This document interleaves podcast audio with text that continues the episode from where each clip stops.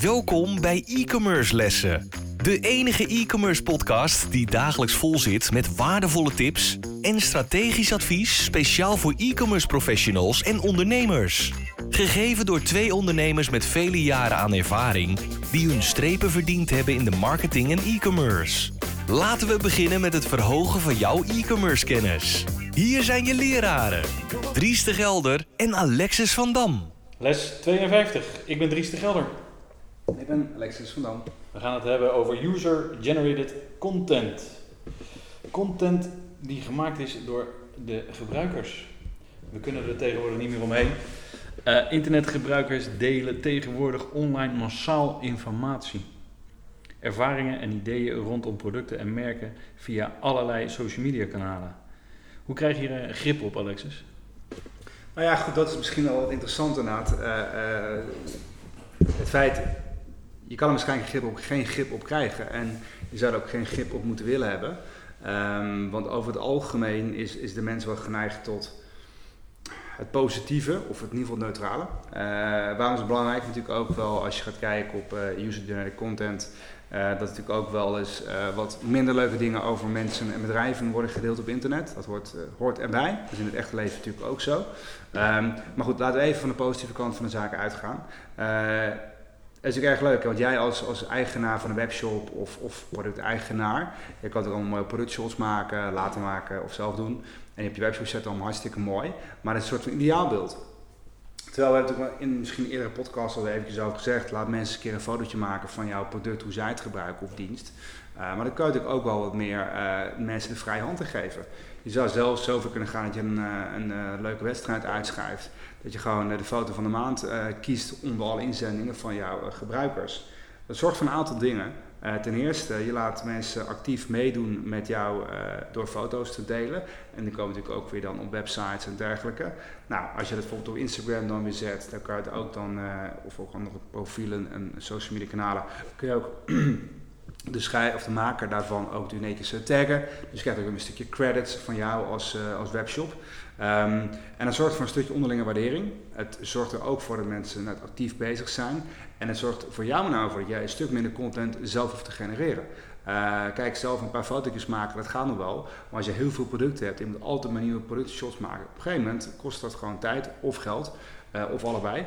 En uh, uiteindelijk wil je het ook gewoon voor jezelf leuk en manageable houden. Dus het zou een goede strategie kunnen zijn om ja, dat een beetje uit te besteden op een leuke manier.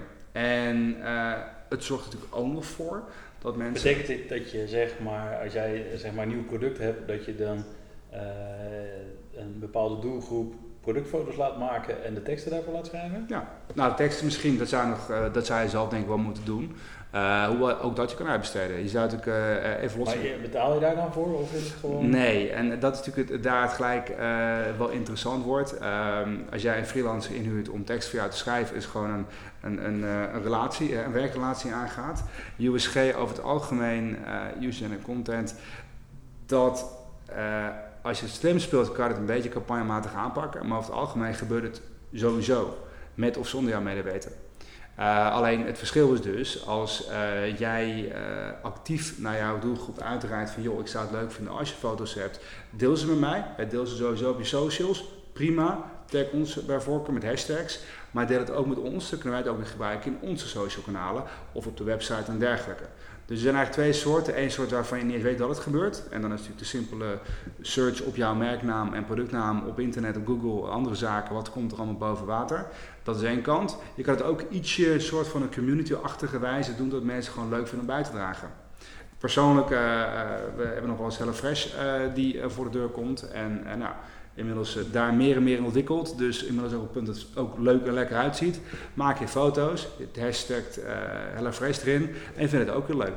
En soms kun je natuurlijk ook dan weer graag niet gebruiken voor het productshot in de, de, boekjes en dergelijke. Maar er komen natuurlijk wel steeds mensen die dat gaan doen. Maar dat is een vorm van user content. Ik maak het eten, ik maak de foto. Uh, en Fresh vindt het leuk. Nou, zo kun je ook zelf gaan nadenken. Wat kun je als webshop-eigenaar nou daarmee doen? Uh, anders dan mensen gewoon een foto maken. Als je natuurlijk mensen zo kijkt dat ze echt mooie foto's gaan maken, echt een beetje hun best gaan doen. Um, dan kan het heel erg goed voor jou uh, werken. En het leuke is natuurlijk ook als jij mensen dan uh, de credits geeft of zij die foto gemaakt hebben, zullen ze ook vaker meer mooie foto's gaan maken. Kijk, zijn- dus je stimuleert het eigenlijk door gewoon te vragen of ze het willen delen op social media. Ja. En, maar zijn er dan nog andere stimulatiemiddelen door eh, bijvoorbeeld het product op te sturen? Ja, goed, en dan, dan, dan ga je wel een grens over naar een ander onderwerp. En dan wordt het natuurlijk ehm, eh, affiliation, wat je dan krijgt. Eh, en Influencers. influencers. En dat, dat is overigens wel weer een goed onderwerp voor een, nog een latere keer om daar zo even uit te gaan diepen. Daar is inmiddels ook wel recentelijk een behoorlijk wat wijzigingen in doorgevoerd. Dat dat niet zomaar meer makkelijk kan. Dat je in ieder geval aan beide kanten heel duidelijk moet zijn. Dit is gewoon een influencer die krijgt betaald om dit te doen. Of die heeft product gratis gekregen om dit te doen. Het zijn inmiddels nieuwe, regels die ervoor gelden. Eh, daar zou ik voor jezelf in ieder geval een duidelijke keuze maken. Wat wil je? Want user content is in feite content is in het internet, hè, of staat op internet, jouw merknaam, jouw foto's. En ik kan zelf een beetje de mashup maken om het leuk te maken, puur voor eigen gebruik.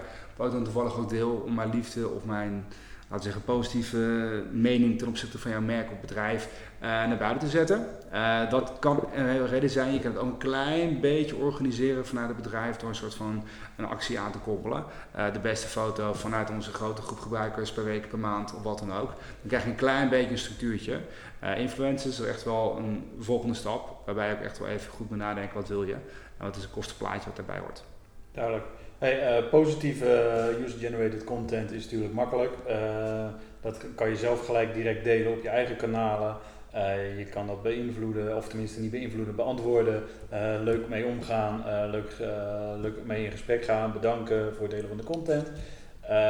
Negatieve user-generated content is natuurlijk ook heel mooi als je daar iets goeds mee doet. Want daar kan je natuurlijk gewoon op inhaken, luisteren, empathie tonen en zorgen gewoon dat diegene misschien een ambassadeur voor jouw product gaat worden, omdat jij hem die tijd en die aandacht hebt gegeven die hij misschien nodig hebt. En als jij geluisterd hebt naar zijn eh, verhalen en daarmee jouw product verbetert naar zijn wensen, die voor iedereen waarschijnlijk eh, eh, beter kunnen werken, ja, dan heb je een ambassadeur erbij voor het leven.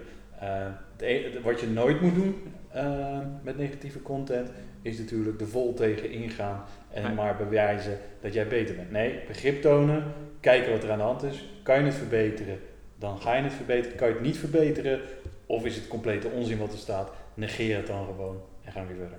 Ja, zeker. Ja, 100%. Ehm nog eens een keer weer een leuke om daar eens een andere keer nog over na te praten, of door te praten over eh, ja, de negatieve kant van, van reviews en dat soort stukjes. Maar vanuit user en content, eh, ja, elke klacht is ook weer een kans om het goed te maken.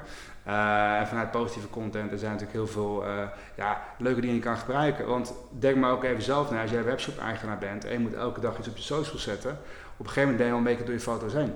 En wat doe je dan? Ja, dan kan je foto's gaan herhalen. Maar dan denken mensen ook, ja, heb ik al gezien, is niet leuk meer. En toch vaak een bepaalde wijze fotograferen. En als je gewoon mensen op een bepaalde manier gewoon thuis een mooie shot maken, hoe blij zijn ze met een product en misschien dat je natuurlijk een kortingsbonnetje geeft of weet ik veel wat. Dat kan iets kleins zijn, hè? gewoon gratis verzendkosten voor de volgende shipment die je doet of wat dan ook. Daar, daar zijn natuurlijk heel veel dingen over te bedenken. Maar er zijn mensen best wel bereid om jou een beetje te helpen. Ik ervan uitgaan dat mensen natuurlijk positief zijn over jouw product, anders wordt het natuurlijk wat minder, eh, minder eenvoudig. Maar ja, dat is gewoon een mooie manier om het ook echt van jou en van de mensen en de community te maken. Als ze negatief zijn over je product, dan is er maar één ding wat je moet doen, met je product verbeteren. Nou dat ook. En dan moet Of, je je niet bezighouden met die content, maar met je product. ja, zeker. Of misschien is de wijze van mensen jouw product gebruiken niet helemaal goed. Dat zou natuurlijk ook kunnen. Maar daar kunnen we ook weer een stukje content over maken, over Precies. hoe het dan wel te doen. Of Precies. wat te doen, of nou, afhankelijk van wat het is. Maar dat zijn natuurlijk zo dingen waar je gewoon eigenlijk via een omweg product in zich krijgt van, eh, eh, ja, is het goed of kan het verbeteren? Kijk eens aan. Eh, wa- wat je ook natuurlijk eh, belangrijk is in deze, is het belonen van eh, deze mensen. Belonen kan je natuurlijk doen door een bedankje te sturen. Belonen kan je doen door het te delen op jouw social media kanalen, want dat vinden ze altijd fijn. Maar misschien een nog mooier, geef ze een podium. Zorg dat die content die hun gemaakt hebben verwerkt wordt op jouw website. Of zorg dat hij in de nieuwsbrief komt met een, eh, een reprimande erbij. Dat hij dat zo goed heeft gedaan. En super, dankjewel. En hoe gaaf en hoe leuk het ook niet was. Eh, daarmee stimuleer je hem en gaat hij kijken of hij de volgende keer weer zo'n mooie content kan Ja. schrijven. En in feite heb je dan gewoon een stukje contentcreatie eh, geoutsourced aan je groep van fans. En het is voor hun leuk, het is voor jou leuk, het is eigenlijk een win-win. Zeker. Goedkoper kan het niet. En daar houden we van, Alexis. Helemaal. Zeker. Dit was les 52. Tot de volgende. Wij waarderen het enorm dat je weer naar een e-commerce les hebt geluisterd. Ga naar e-commercelessen.com voor nog meer interessante content over deze les. En schrijf je in voor onze nieuwsbrief voor nog meer succes. Vergeet absoluut geen review te schrijven en je te abonneren op onze lessen.